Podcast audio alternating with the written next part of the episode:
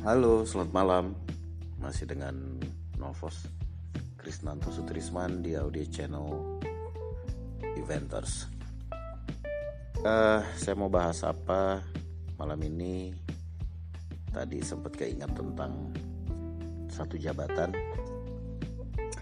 di dalam struktur stage management di dalam sebuah event yang namanya itu adalah stage crew. Nah, stage crew ini ini sebutan yang biasa dilakukan di Indonesia ya paling banyak kita menyebutnya dengan stage crew. Pengalaman saya di beberapa event internasional mereka menyebutnya stage hand. Bukan stage crew tapi stage hand. Kemudian ada lagi yang fungsinya hampir mirip dengan stage crew yaitu props gitu ya. Mereka nyebutnya props itu orang untuk orang yang bekerja menangani properti yang ada di atas panggung. Nah, eh, yang saya tahu bedanya kalau stage crew itu lebih kepada operation di panggung menjadi kepanjangannya stage manager yang eh, membagi tugas kepada eh, tim di bawahnya, which is adalah beberapa stage crew. Dan stage crew ini dibagi dua sisi ya. Jadi panggung itu ada garis linear di tengahnya, ada garis imajiner, sorry, ada garis imajiner di tengah panggung, sehingga dibagi dua. Ada panggung kiri dan panggung kanan. Nah ini untuk membagi juga tim. Sebelah kanan berapa orang, sebelah kiri berapa orang. Begitu juga dengan props ya. Kalau props itu lebih menangani properti. Biasanya ini untuk event pemanggungan yang uh, menggunakan properti pada adegan-adegannya gitu. Seperti teater kemudian uh, acara uh, apa hiburan yang seperti big tricknya sulap yang menggunakan banyak properti gitu. Mereka menyebutnya itu props. Kemudian kalau stage crew itu biasanya untuk yang konser band apa segala macam. Tapi oke okay lah. Penamaannya memang stage crew semua juga tidak masalah gitu. Nah stage crew ini uh, adalah pekerjaan yang menurut saya pada masa saya menjadi stage crew itu adalah yang paling mengasihkan gitu. Yang paling mengasihkan. Kenapa? Karena kita ini seperti orang yang tahu rahasia acara gitu. Kita ada di belakang panggung, pergerakan apa yang terjadi di belakang panggung kita tahu. Ini apa namanya? Kita tahu eh, rahasia-rahasia di belakang panggung. Sangat menarik dan setiap event itu selalu punya pengalaman baru. That's why kenapa kalau di event itu setiap event pasti ada nilai belajarnya, ada value belajar. Karena setiap event itu nggak pernah sama gitu, beda-beda. Nah stage crew ini tadi seperti saya bilang bahwa kepanjangan tangannya stage manager. Jadi sebelum kita uh, bertugas di stage ya kita sudah melewati satu tahapan yaitu persiapan. Nah, bagaimana mempersiapkan diri menjadi stage crew yang handal, yang uh, cepat, ya, yang tangkas, sehingga pekerjaannya semuanya beres. Salah satunya adalah dengan mengikuti sebuah briefing. Uh, dalam briefing itu pasti juga akan mempelajari rundown script Nah ini sangat penting ya kepada kepada teman-teman yang yang barangkali ingin menjadi stage crew penting sekali untuk mengetahui bagaimana cara membaca rundown script. Ya, belajar cara membacanya, kemudian uh, mengerti apa yang dituliskan di situ. Sometimes pakai bahasa Indonesia, sometimes orang suka pakai bahasa Inggris juga. Biasanya istilahnya nggak terlalu sulit kalau kita sudah sering nanti nggak akan sulit karena istilah bahasa Inggrisnya hampir mirip gitu ya uh, dari waktu ke waktu bahasanya hampir mirip begitu terus. Nah, stage crew ini harus melewati itu. Dia harus mendapatkan sebuah briefing all dari stage manager. Apa sih maksud dan tujuan acara? Apa sih yang diinginkan di dalam jalannya acara? Seperti apa sih kontennya yang ada di acara ini? Dan bagaimana urutan acaranya? Jadi seorang stage crew itu harus tahu harapannya stage manager itu apa. apa keinginan stage manager sehingga bisa satu visi gitu. Nah, tahapan briefing ini sebisa mungkin kita punya waktu yang cukup untuk mempelajari. Ada timing di mana kita belajar pada saat di briefing, ada timing di mana kita belajar membaca rundown pada saat tidak sedang di briefing. Jadi kita bawa pulang ke rumah kita pelajari lagi. Kita ingat-ingat lagi. Briefing dari stage manager sangat baik apabila direkam.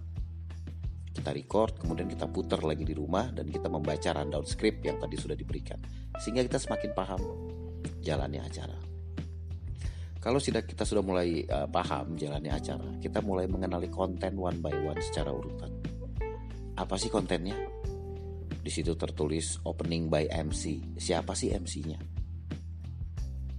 Ya, let's say si X misalnya kita ingin mempelajari stage crew ingin mempelajari ini MC X itu yang mana sih buka YouTube kita lihat oh ini MC-nya habis itu ada dancer misalnya ya uh, apa dance-nya misalnya bentuknya seperti apa gitu. Mungkin kita bisa cari referensinya juga di YouTube.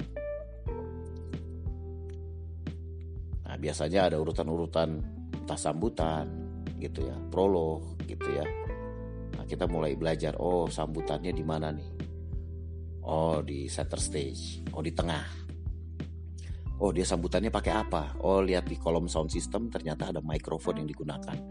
Oh seperti apa mikrofonnya?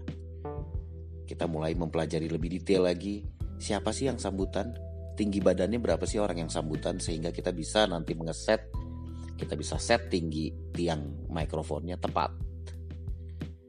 Setelah itu urutan ke sininya macam-macam. Bisa talent bisa band bisa hiburan-hiburan. Wah macam-macam panjang.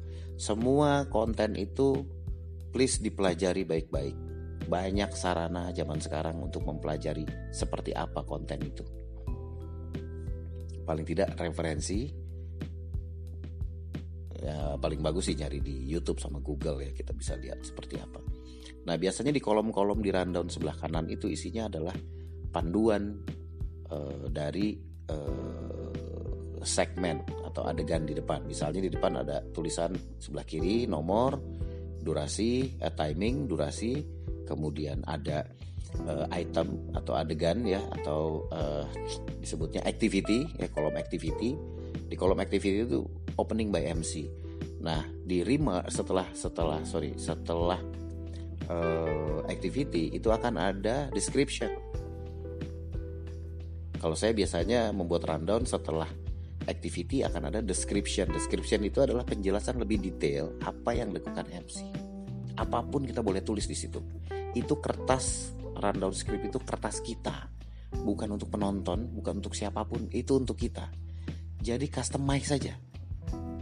Seorang stage manager biasanya akan mengcustomize rundown sesuai yang dia terbiasa seperti apa tidak masalah yang penting kolom-kolom semua uh, teratur di situ akan ada penjelasan. MC akan naik ke atas panggung setelah fanfare. MC akan menyapa audiens dengan mengucapkan bahasa daerah.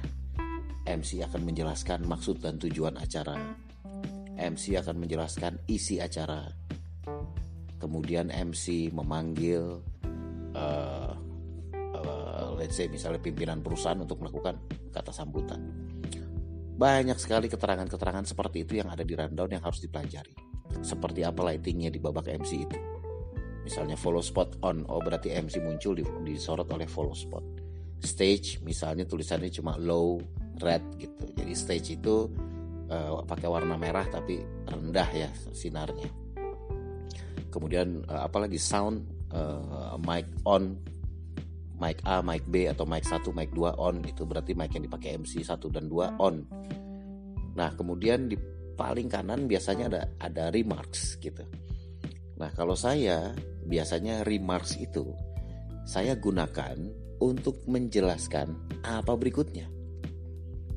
Jadi waktu MC sedang opening by MC gitu ya, pada saat sedang activity opening by MC, di remarks paling sebelah kanan sejajar itu tulisannya adalah standby opening dance. Jadi itu adalah pada saat MC sedang melakukan opening, begitu ya on stage opening, tugasnya stage crew ada membaca yang paling kanan. Ya, tugasnya stage crew adalah membaca kolom paling kanan. Di situ ada perintah standby opening dance. Karena itu yang akan diminta oleh stage manager. Begitu terus ke bawah.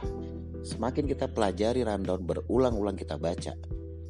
Pada saat di mana akan dilakukan rehearsal atau latihan di atas panggung yang sesungguhnya, kita akan mengingat-ingat apa yang sudah kita baca di rundown. Dan perintah-perintah yang keluar dari stage manager, dari seorang stage manager, itu tidak akan lari selama rundownnya tidak berubah. Itu tidak akan lari dari rundown, sehingga kita tinggal mengingat apa yang sudah kita baca dan mendengar apa perintahnya. Itu akan sama. Gitu. Jadi stage manager sebenarnya tidak harus memberikan perintah begitu banyak lagi di dalam HT itu. Nah, ini salah satu untuk ngirit HT juga. Dia akan akan menjelaskan tentang rundown saja se, se, se, secara singkat cepat sehingga stage crew lebih paham. Kemudian begitu terus siklusnya ya. Uh, membaca apa yang di kiri uh, activitiesnya sebelah kanan apa yang harus disiapkan. Berikutnya activities kedua apa dan apalagi yang harus disiapkan di ketiga misalnya. Begitu seterusnya. Nah uh, itu itu yang berikutnya ya. Kemudian stage crew adalah orang-orang yang harus memiliki empati bekerja sama dan saya saya saran untuk memiliki fisik yang baik pada saat bekerja. Jadi jangan sekali-sekali stage crew itu begadang jangan begadang.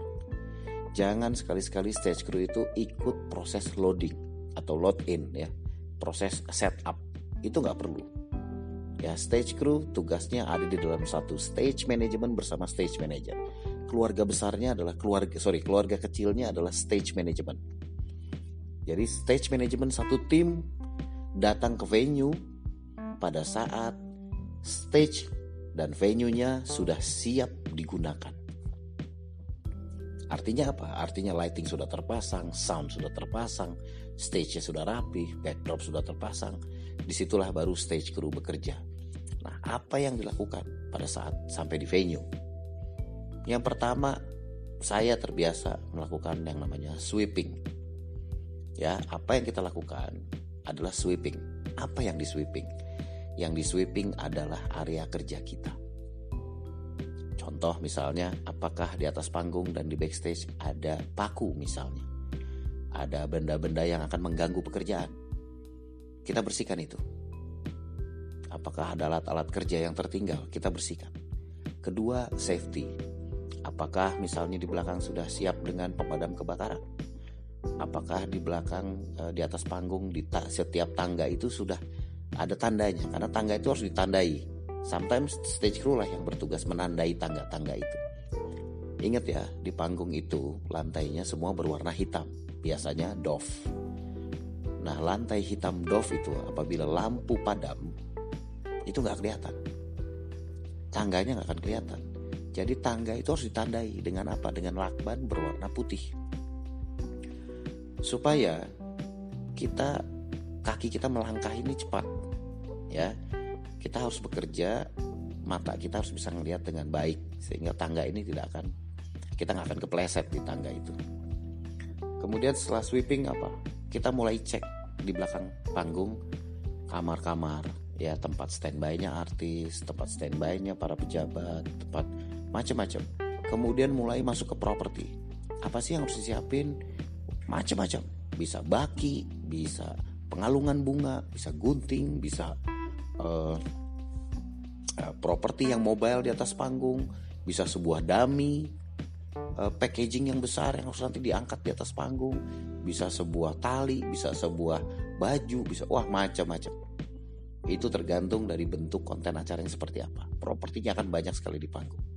Nah, biasanya seorang stage manager itu sebelum acara dijalankan sudah membagi tugas siapa yang tugasnya QR, siapa tugasnya mendampingi MC, siapa tugasnya mempersiapkan barang-barang di belakang panggung. Itu sudah dibagi-bagi oleh stage manager. Tapi basicnya semua harus melakukan sweeping, semua harus tahu tugas masing-masing harus tahu traffic di belakang panggung Oh ya, sorry, termasuk toilet harus dicek juga. Ada nggak di dekat backstage itu ada toilet. Termasuk fasilitas kesehatan di belakang. Ada nggak obat-obat dan lain sebagainya. Itu harus ada. Nah, perhatian untuk semua stage crew dan uh, secara khusus untuk stage management bahwa sebuah stage itu itu adalah rumah kita. Jadi kalau itu rumah kita, kita harus cintai rumah itu, Jangan kotori rumah itu, rawat rumah itu, dan bangga dengan rumah itu. Seperti itulah perlakuan keluarga kecil stage management terhadap sebuah panggung. Sisanya apa? Sisanya tinggal mengikuti acara, ya, mengikuti arahan-arahan uh, stage manager melalui alat komunikasi, eksekusi acara secara bersama-sama, ya, hingga kita bisa menimba hasilnya apa hasilnya dari sebuah stage management yang rapi dan uh, terstruktur dengan baik? Hasilnya adalah applause, hasilnya adalah komplimen, hasilnya adalah pujian, hasilnya adalah kepuasan dari klien. Artinya apa? Maksud dan tujuan eventnya tercapai. Kalau sudah begitu apa? Prestasi. Sometimes nilai uangnya sudah nggak nggak terasa lagi, tapi kepuasan dari suksesnya sebuah acara itu adalah hasil dari kerjasama tim yang baik dalam sebuah stage management. Gitu guys. Sementara ya, ntar gue tambah lagi. Thank you.